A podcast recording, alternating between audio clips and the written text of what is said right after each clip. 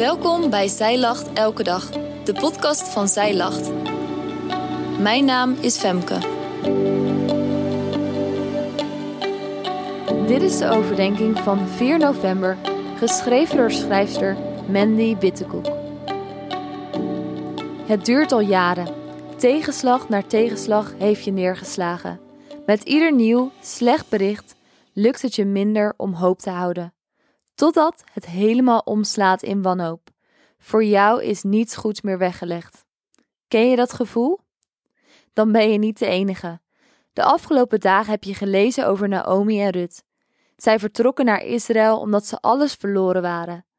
Naomi's hoop was weg en ze noemt zichzelf Mara, wat betekent bitterheid.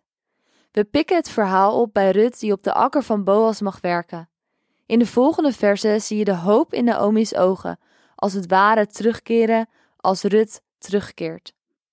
Dit staat in Rut 2, vers 18 tot 23. En zij pakte het op en kwam in de stad. Haar schoonmoeder zag wat ze geraapt had. En ook haalde zij tevoorschijn wat ze overgehouden had toen ze genoeg gegeten had, en gaf het haar.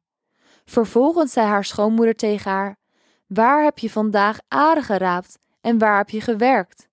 Mogen hij die naar je omgezien heeft gezegend worden. En zij vertelde haar schoonmoeder bij wie ze gewerkt had en zei: De naam van de man bij wie ik vandaag gewerkt heb is Boas. En toen zei Naomi tegen haar schoondochter: Mogen hij, die zijn goede tierenheid niet onthouden heeft aan de levende en aan de doden, gezegend worden door de Heere. Verder zei Naomi tegen haar: Die man is nauw en aan ons verwant. Hij is een van onze lossers. En Rut, de Moabitische, zei: Bovendien heeft hij tegen mij gezegd: U moet dicht bij mijn knechten blijven, totdat zij met mij de hele oogst klaar hebben. Naomi zei tegen haar schoondochter Rut: Het is goed, mijn dochter, dat je met de meisjes die voor hem werken meegaat, zodat ze je op een andere akker niet lastig vallen. Zo bleef zij dicht bij de meisjes van Boas om aren te rapen, tot de gerstenoogst en de tarweoogst voorbij waren. En zij bleef bij haar schoonmoeder. Haar ogen gaan langzaam weer open voor Gods genade en verbondstrouw, zijn goedheid en leiding.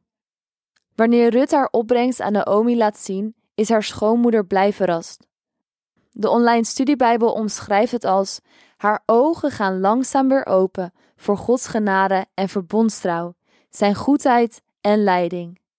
Iemand ziet om naar hen. Naomi antwoordt ook dan meteen met een zegenmens, ondanks dat ze nog niet wist wie de vrijgevige persoon was. Wanneer Rut vervolgens vertelt wie de man is, is Naomi's hoop compleet. Boas kan hen op een ongekende wijze helpen. Daartoe lijkt hij zelfs extra bereid te zijn omdat hij Rut heeft gezegend alleen op zijn akker te rapen. Het licht in Naomi's ogen keert terug. De online studiebijbel zegt het volgende: Verdriet en tegenslag kunnen verblinden voor Gods aanwezigheid en goedheid, waardoor men niet ziet hoe het het leven van de zijne leidt. Dat is precies wat je in dit gedeelte ziet. Naomi realiseert zich dat God nog steeds zorgt, ook als zij dacht dat hij dat niet deed. Hij werkt achter de schermen alsmaar door, om vervolgens op het podium te verschijnen en uitkomst te bieden.